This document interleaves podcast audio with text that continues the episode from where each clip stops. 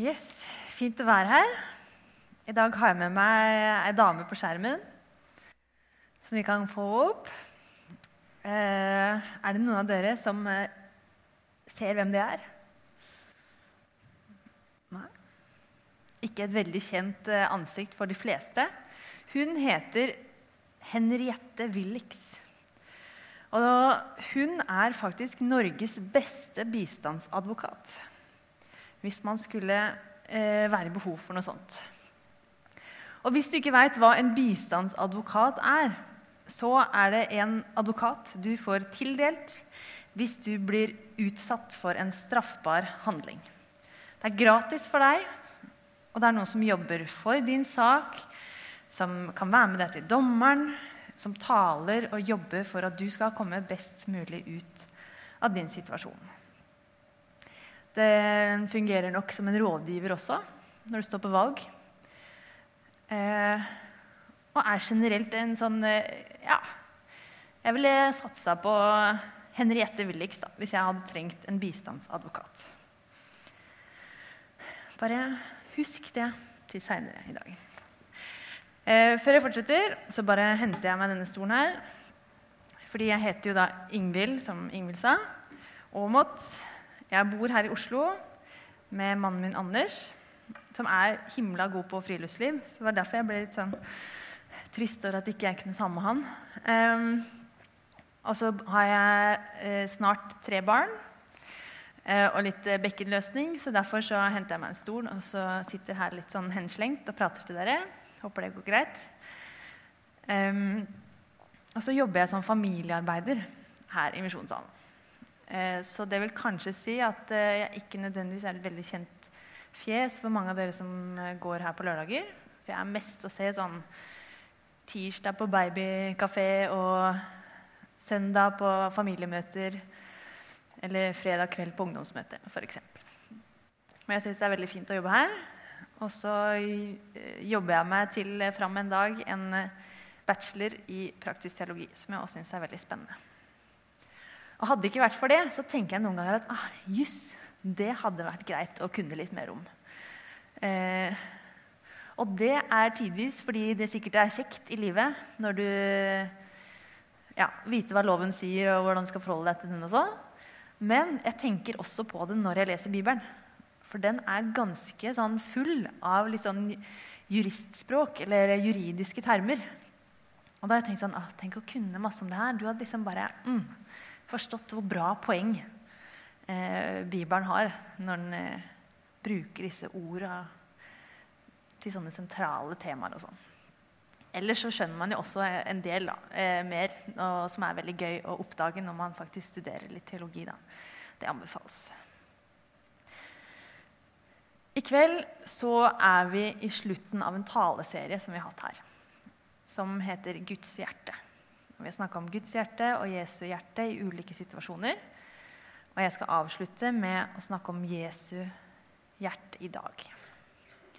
For vi begynte med, For deg som ikke liksom har fulgt hele rekka nå, eller kanskje har glemt det, så begynte vi med eh, å snakke om en Jesus som en med mildt og ydmykt hjerte, som sier 'Kom til meg', alle dere som strever og bærer tunge byrder og jeg vil gi dere hvile. For jeg er mild og ydmyk av hjerte, og mitt åk er lett. Og min byrde, nei, mitt åk og min byrde er lett. Og så eh, fortsatte vi med å snakke om Jesu hjerte på korset. For å forstå litt mer sånn hvor vanvittig stor kjærlighetshandling det var som skjedde der den gangen, og hvordan det gjelder i dag. Og hvordan det var sånn at eh, Jesus bar liksom ikke bare all verdens dritt og vår synd i en sekk opp til korset, og så satt det der. Nei, han tok det på seg. Han ble ett med synden. Eh, I Bibelen så står det om vredens kalk, eller vredens beger. Og faktisk så er det en gang Jesus er sammen med disiplene sine, der to av de blir litt sånn bråkjekke og spør Jesus du, Kan ikke vi sitte ved siden av deg i Guds rike? En på høyre side og en på venstre side. Og det de sier sånn indirekte, er Jesus, kan ikke vi være med og bestemme sammen med deg i himmelen? Og da svarer Jesus, dere veit ikke hva dere spør om. Kan dere drikke det begeret jeg skal drikke? Og det refererer til når Jesus døde på korset. Så drakk han liksom all synd og all dritt, og det tok, ble han ett med. Da. Så han bar liksom det som hadde vært, og det som kommer, og Guds vrede mot all urettferdighet i verden, det bar Jesus på sin kropp. Han blei til synd. Og derfor blir det kanskje enda større, da. Den kjærlighetshandlingen som Jesus gjorde på korset. Når vi skjønner det. Og videre så eh, ble det snakka om Jesu hjerte i møte med mennesker. I evangeliene så er det ganske mange ganger vi bare får historien om Jesus sine menneskemøter. Hva skjedde når han møtte folk som var blinde eller spedalske eller hadde ulike fysiske plager, f.eks.? Og samtalen og hva som fysisk skjedde da. Det står f.eks. at Jesus gråt og mange ganger så står det at han fikk inderlig medfølelse med dem. Jesu karakter, Jesu hjerte, den sier noe om at han har inderlig medfølelse med oss menneskene og det vi går gjennom.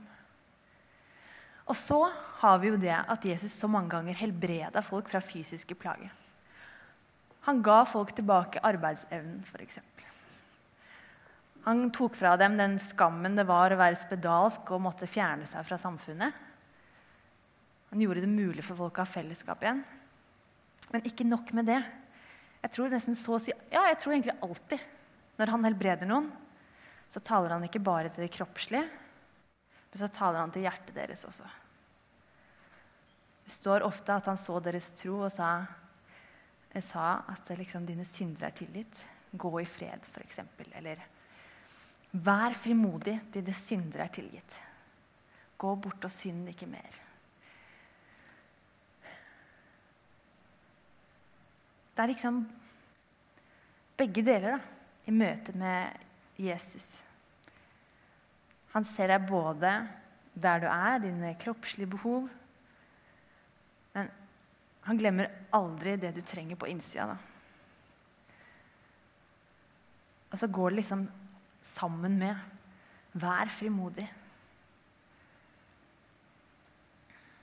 Og det kommer vi til å komme litt tilbake til. Men jeg må innrømme en ting for dere. Og det er jo litt rart når jeg har takka ja til å tale i en serie om Guds hjerte. Men jeg eh, kan få litt sånn mark av noen ganger at det snakkes så mye om kjærlighet og hjerter i kristne sammenhenger. Og jeg vet ikke om det er bare at jeg har hørt så mange at jeg kan bli litt sånn her Ja, jeg har hørt det før. Eller om det, det jeg kanskje tror, er at jeg noen ganger syns det blir så abstrakt og svevende og sånn poetisk. Om Jesu blikk og Guds hjerte og kjærlighet og det, at jeg syns det er litt sånn vanskelig å eh, ha noe sånn håndfast. Og se hva, ja, men hva går det i, da? Det her. At jeg får litt, sånn, litt lyst til å liksom skuffe forbi det. Og kanskje er det litt bra at det er nettopp jeg som måtte sette meg ned og bruke tid på det her. Jeg tror tendensen for meg kan være at, uh, at jeg retter liksom fokuset på meg sjøl og mitt eget kristenliv når det er snakk om Guds kjærlighet, og at jeg skal elske Gud av hele mitt hjerte og all min sjel og all forstand. Og så kanskje hører jeg noen lovsanger innimellom som er litt sånn gir meg følelsen av at jeg skal føle så veldig sterkt overfor Gud. Og så når jeg ikke helt opp til det, kjenner jeg. Det jeg syns er liksom vanskelig å mene at jeg elsker Gud av hele mitt hjerte. Eller det er alltid jeg føler så veldig på det. Um, og så tenker jeg kanskje på noen bibelvers som snakker om kjærlighet som handlinger. Men så kommer jeg litt til kort der òg. Eller egentlig ganske mye ofte. For jeg Nei, det er veldig mange ganger jeg, egentlig ikke har så lyst til å elske min neste, fordi det kan være utfordrende, og kanskje de er litt eh, rare, eller eh, det koster meg noe. Kanskje det koster meg mye, eller eh, velge bort gøye ting til fordel for å prioritere ting som er bra for troa mi, eller gjøre ja, gjøre de tingene som Bibelen eh, anbefaler meg at jeg skal gjøre og bruke livet mitt på. Så kommer jeg til kort der òg. Og kanskje det er det som gjør at jeg får litt sånn åh. Um, men nettopp det tror jeg er liksom grunnen til at vi trenger disse talene og taleseriene som handler nettopp om Guds kjærlighet, om Guds hjerte. Fordi det nettopp handler egentlig veldig lite om meg. Og veldig lite om deg. Det handler om Jesu medlidenhet mot oss mennesker. Det handler om Jesu medlidenhet mot denne verden som vi lever i, som har så mye kjipt i seg. Det handler om at Guds hjerte, Guds kjærlighet, er så vanvittig mye større enn vår. Guds hand, kjærlige handlinger de overgår alt vi noen gang kan prøve å tenke på engang. Og så handler det om at jeg må innse at Gud er Gud, og jeg er meg. Jeg kommer aldri til å nå opp dit. Og så tror jeg kanskje i noen sammenheng, Jeg tror det kommer litt an på hvordan kristen sammenheng eller hvem du har vært med før i livet. Eh, jeg tenker i hvert fall det noen ganger når jeg leser eh, i aviser i dagsaktuelle aviser, men også i kristne sammenhenger, at det er sånn fristende å droppe synden. Droppe menneskenes eh, feiltrinn. Hvor mange ganger har ikke jeg lest overskriften 'Jeg angrer ingenting'? Eller 'Du skal ikke skamme deg'. Akkurat som om på en måte det, Med å fjerne liksom, definisjonen at noe er rett og galt, eller at vi mennesker gjør feil, eller at vi faller igjen og faller igjen, og det egentlig er veldig menneskelig. At det egentlig ligger ganske i vår natur. Så blir det liksom så dystert, får jeg noen gang inntrykk av. at Det er litt fristende å bare Da snakker vi ikke om det. Da snakker vi veldig masse om uh, alt det bra vi får til. Uh, vi har lyst til å løfte hverandre opp, heie hverandre fram. Uh, og det følte jeg kanskje skjedde mye da jeg var tenåring. Eh, og spesielt kanskje fordi ja, man ønsker å bygge selvtillit, og man ønsker å, å gi ungdommen troa på seg sjøl. At jeg hørte veldig mye sånn Gud har fantastiske planer for ditt liv. Han har så store planer for deg. Han eh, Du er perfekt. Akkurat som du er skapt. Og så er jeg redd at det som er gode intensjoner, møter seg sjøl litt i døra når vi lever livet og går på noen smeller. Eh, jeg er redd for at det kan ha skapt en, eh, en normalverdi av dette er det å være menneske, dette er det å være kristen, som er liksom hakket hvassere, hakket bedre enn hva vi klarer å leve opp til. Og i stedet for at vi går ut som frimodige kristne, som er eh, stolte av at vi er kristne, stolte av at vi er skapt, stolte av det, så tror jeg vi blir liksom så skuffa over oss sjøl. For vi når liksom ikke opp. Vi holder ikke mål med den standarden som vi tror kanskje vi burde ligge på. Og en ting er sånn Ja, ja, Gud er enda bedre, men jeg burde allikevel fått til såpass. Dette er en sånn tanke jeg har gjort rundt temaet.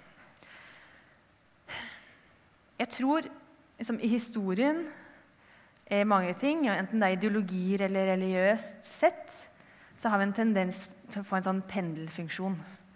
Har vi hørt eller gjort veldig mye av det ene, så skapes det reaksjoner. Og så går pendelen tilbake, og så er det fort at man kanskje kommer i en grøftekant på begge sider.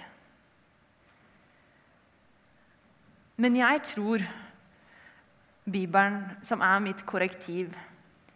At livet med Jesus og erfaringen og det jeg opplever, det må gå hånd i hånd med Bibelen som korrektiv. At den får korrigere hva jeg tenker om meg sjøl, og hva jeg tenker om Gud. Og sammen så blir det bra. Og det er spesielt én historie i eh, Lukas 7 som jeg har lyst til å lese for dere. Vi får noe på skjermen, så dere kan henge med hvis dere vil. 7.36. Kvinnen som fikk syndene tilgitt. En av fariseerne innbød Jesus til å spise hos seg. Og han gikk inn i fariseerens hus og tok plass ved bordet. Da var det en kvinne der i byen som levde et syndefullt liv. Da hun fikk vite at Jesus lå til bords i fariseerens hus, kom hun dit med en alabastkrukke med fin salve.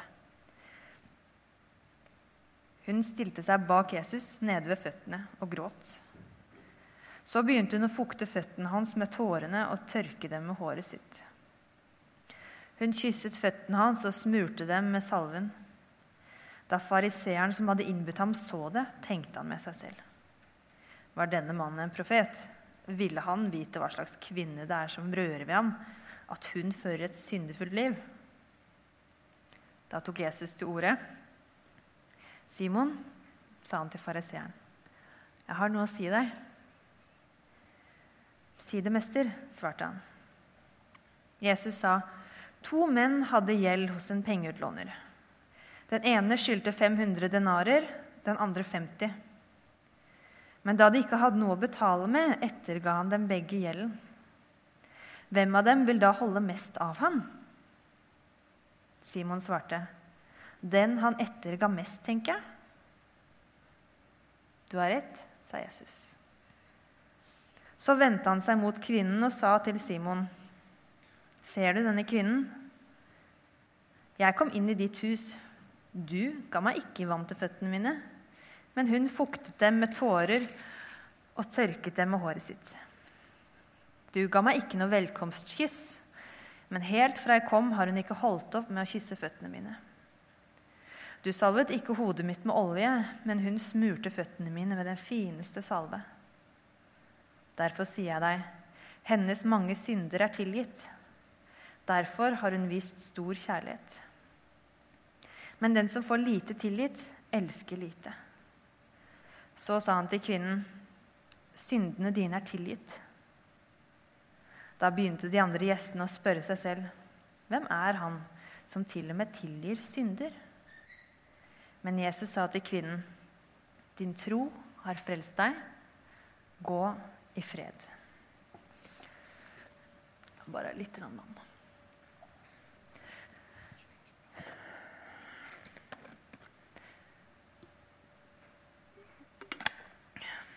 Jeg lurer på om hun dama her har skjønt noe, da.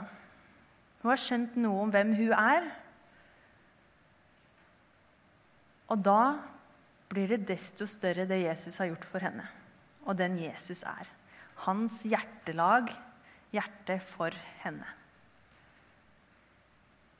Ja, det lurer jeg på om jeg trenger òg, da. Jeg som um, kan bli litt sånn ah, Det er ikke nok med kjærlighet?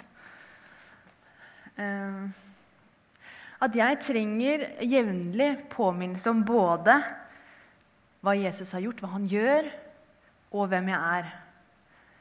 For sammen så tror jeg jeg skjønner at vi kan ikke bli lei av å snakke om Guds kjærlighet og Guds hjerte. For det er det alt koker ned til. da. Og det blir større når vi skjønner hvem vi er. Når vi kan be Gud om å hjelpe oss til å se oss sjøl og Han i et sant lys. Det veit jeg at jeg pleier å be, i hvert fall. Jeg ber om begge deler. At jeg trenger det jevnlig, da. Mm. Kan vi ikke få tilbake Henriette på skjermen? Her har vi han. Bistandsadvokaten. Da talen om eh, Jesu hjertelag på korset var, så hadde man sånn, fortalt eh, mye om hva som skjedde der, og hvor stort akkurat det er det Jesus gjorde ved å dø og stå opp igjen og ta på seg våre synder. At han er en sånn mellommann mellom oss og Gud. Gud ser på Jesus, som har levd et syndfritt liv, som har ofra alt for eh, oss, og som eh, er verdig og Guds hellighet. på en måte Gud som hellig klarer å se på Jesus sånn. Og så er det en mellommann for oss. Sånn evig greie. Og det gjør at vi kan nærme oss Gud med frimodighet. Og alltid å være trygge på at eh, vi har en plass som Guds barn. Og så kan man jo lure litt på sånn Ja, jeg vet jo at det skjedde for 2000 eh, år siden, sånn, men hva driver Jesus med nå? Tok han ferie etter himmelfarten, liksom? Well done. Det bra jobba. Du tok litt av en tørn. Det kosta deg sikkert ganske mye å både dø og stå opp, så du fortjener en pause nå, Jesus. Er det sånn det funka? Man kan få litt det inntrykket. Men Jesus han tok aldri ferie, han. Jesus han jobber i dag. Eh, og det er nok mangt man kunne snakka om eh, rundt det. Både når det kommer til bønnen og sånne ting. Men jeg har lyst til å trekke fram spesielt to andre karaktertrekk ved Jesus som gjelder hans, og sier noe om hans hjerte for oss i dag. Og det handler om hans arbeidsoppgaver. For det første så er Jesus vår forbeder. Bare hør på det her i Hebreerne 7,25. Derfor kan han også fullt og helt frelse dem som kommer til Gud ved ham. Fordi han lever og går i forbønn for dem. Dette er noe han holder på med kontinuerlig. Jeg vet ikke med dere, men jeg har perioder i mitt eh, liv hvor jeg syns det er vanskelig å be. Enten fordi jeg kjenner på tvil, eller liksom jeg vet ikke hvis dere skjønner hva jeg mener, med liksom følelsen av at bønnen når opp til taket og ikke lenger. Men som regel så er det ulike temaer jeg kan synes det er vanskelig å be over. Um, ting jeg kanskje syns er tungt, eller som jeg har bedt over i lange tider. Um,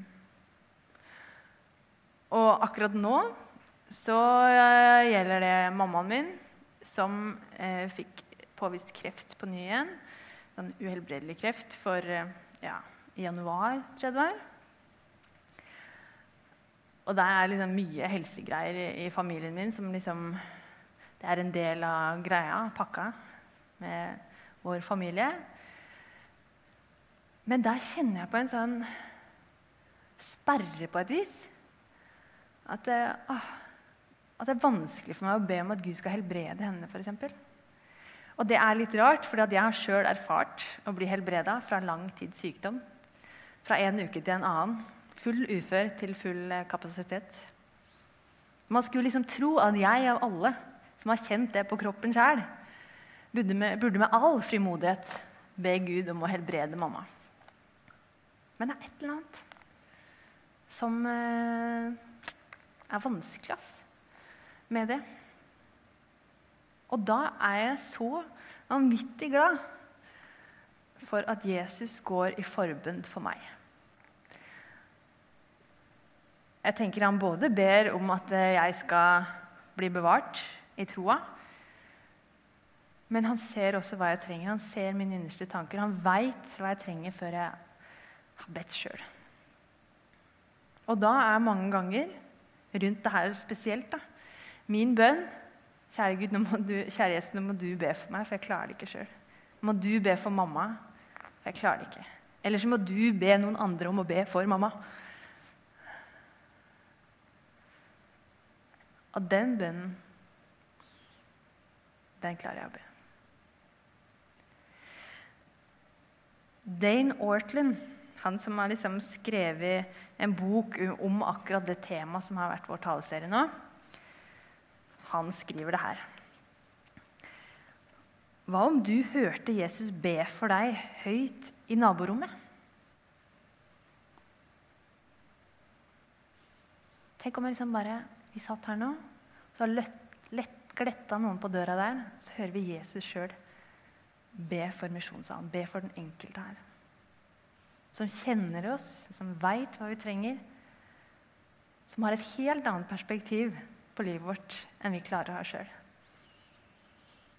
Få ting, tror Dane, og jeg tror jeg òg, ville vært så betryggende som det. Jeg håper det kan være en sånn oppmuntring til deg i kveld. Hvis det er tøft å be for tida, eller du har ting du bare kjenner for en sånn sperre for å be om Jeg vil oppmuntre deg og si at Jesus ber for deg. Og han kjenner hva du trenger. Han veit hva du trenger. Og så har vi ting nummer to. Og det er jo hun her Henriette, da. Det er liksom poenget med å ha henne på skjermen. For hva hvis det ikke var du, noen som hadde utført en straffbar handling overfor deg? Hva hvis det er du som har gjort noe straffbart? Hva om du da fikk tidenes strafferettsadvokat, eller hva det heter? Eller bare Henriette Willichs, som var veldig god på strafferett, til å representere deg livet ut? Hva om du fikk det helt gratis? En rådgiver, en som kjemper for deg, en som trøster deg, en som er med deg til dommeren, en som taler din sak. Det er to ting jeg har lyst til å se om det. Jeg tror vi fort legger veldig menneskelige karaktertrekk på Gud og Jesus. Jeg tror kanskje mange av oss kan kjøpe den derre Ok, ja, Jesus han kan jobbe som advokat. Eh, for det er liksom poenget med det her. da. At Jesus han er vår advokat. Han jobber som vår advokat. Når det er vi som egentlig har gjort noe straffbart. Men så tror jeg at vi kan tenke at han, han eh, jobber ut fra at det er liksom eh, Og det er jo kanskje vår menneskelige fatteevne som er liksom litt begrensa. At vi tenker det i beste fall er den beste advokaten i Norge eller i verden som representerer oss. Og så glemmer vi å si at Gud han handler etter andre premisser. Hans Jesu evne som eh, forsvarsadvokat overgår alt vi kan fatte oss. Fordi det er Jesus og ikke et menneske. Han er Gud og menneske på en gang. I 1. Johannes 2,1 så står det Mine barn, dette skriver jeg til dere for at dere ikke skal synde. Men om noen synder, har vi en talsmann hos Far Jesus Kristus den rettferdige. Dette gjelder liksom mer de gangene vi faller skikkelig, da. Og så kan jeg kanskje tenke fort at ah ja, eh, hvis du faller én gang, og så ber du om tilgivelse, og så er det liksom Gud. Men i min menneskelige fatteevne så kan jeg kanskje tenke meg at eh, Gud går seg litt lei på de tinga jeg faller i gang på gang. da. At han blir litt sånn eh, sliten av liksom Igjen, Ingvild. Dette har vi snakka om så mange ganger nå. Eh, så den eh, funksjonen som Jesus har som advokat, da, den er ikke en sånn menneskelig eh, greie at nå har jeg jobba veldig med overtid for deg, Emil, så nå tror jeg vi sier opp den avtalen der. Nei, eh, Jesu evne og vilje utkonkurrerer alltid vår skrøpelighet. Og For meg så ble, skulle jeg ønske at jeg eh, visste om det verset her eh, da jeg hadde min kjærestetid med Anders. Eh, da ble det så veldig tydelig for meg at eh, det ånden min ville, det troa mi ville, den tilliten jeg har til Gud og hans, eh, hans rammer for samlivet, hans eh, bud som jeg tror er gode for meg, og kroppen og full av hormoner og forelskelse og, og alt det der, de samarbeida utrolig dårlig sammen. Og da ble det så utrolig tydelig for meg at eh, jeg som menneske jeg kan bli vanvittig sliten av å falle igjen og igjen. Eller tøye grenser. Eller liksom ah, Skulle det her bli så vanskelig? Jeg som egentlig vil så gjerne. følge din vilje, Gud. Og gang på gang så må jeg komme og si ah, nå tøyde det strikken igjen, Gud. Kan du tilgi meg? Og det å på ene sida klare å holde fast sånn Takk, Gud, at du har skapt seksualiteten min. Takk at du eh, Anders og jeg har det så bra sammen. Takk at eh, det er noe da, da, da. Takk at du har skapt ekteskap. Og samtidig forholde meg til de rammene eh, som han har gitt. Jeg syns det var dritvanskelig. Av følelsen av å ønske om å bare kaste inn håndkleet, den kan jeg veldig kjenne meg inn i. At man bare har lyst til å gi opp hele greia. Men jeg er veldig glad for at vi ikke gjorde det. Jeg er veldig glad for at vi trodde på og tror på en Gud som er evig nådig. Som ikke blir lei av å tilgi våre feiltrinn. Som har en åpen invitasjon gjennom et helt kristenliv. Uansett om du bare begynner å snuse litt på hva er Gud og Jesus, og sånn, eller om du har levd lenge med han. Det greske ordet for, eh, som ble brukt i verset her, heter parakletos. Jeg vet ikke helt hvordan man liksom har tonearten og sånn. Men det oversettes jo både da som talsmann, advokat, trøster, rådgiver. Hele den pakka får du Jesus som din gratis advokat gjennom et helt liv. Jesu hjerte i dag er det samme som det var i menneskemøtene som vi leser om i Bibelen. Jesu hjerte i dag er det samme som han hadde for oss da han døde på korset og sto opp igjen. Som han hadde da du ble skapt da du var en liten baby som ikke hadde gjort noen ting ennå. Og det gjelder helt til det siste. Hvis dere husker kanskje det som har vært der på noen av de andre møtene, så er det et annet vers som ble blitt brukt i disse talene, om at Jesus han elsket dem til det siste. Og det gjelder også i dag. For Jesus Kristus er i går og i dag den samme, ja, til evig tid. Og denne kvelden, som alle andre, består den invitasjonen om å komme til Han. Alle som strever og bærer tunge byrder, og jeg vil gi dere hvile. Ta mitt åk på deg og lær av meg, fordi jeg er mild og ydmyk av hjerte. Så skal dere finne hvile for deres sjel. For mitt åk er godt, og min byrde er lett. Hilsen Jesus. Takk, Jesus, at du er her nå. Takk at vi kan komme til deg på nytt og på nytt. Og takk at når vi ikke makter å be sjøl, så kan vi hvile i at du er vår evige forbeder. Som går i forbønn for oss, som ser oss, ser hva vi trenger, og som taler til Gud på vegne av oss.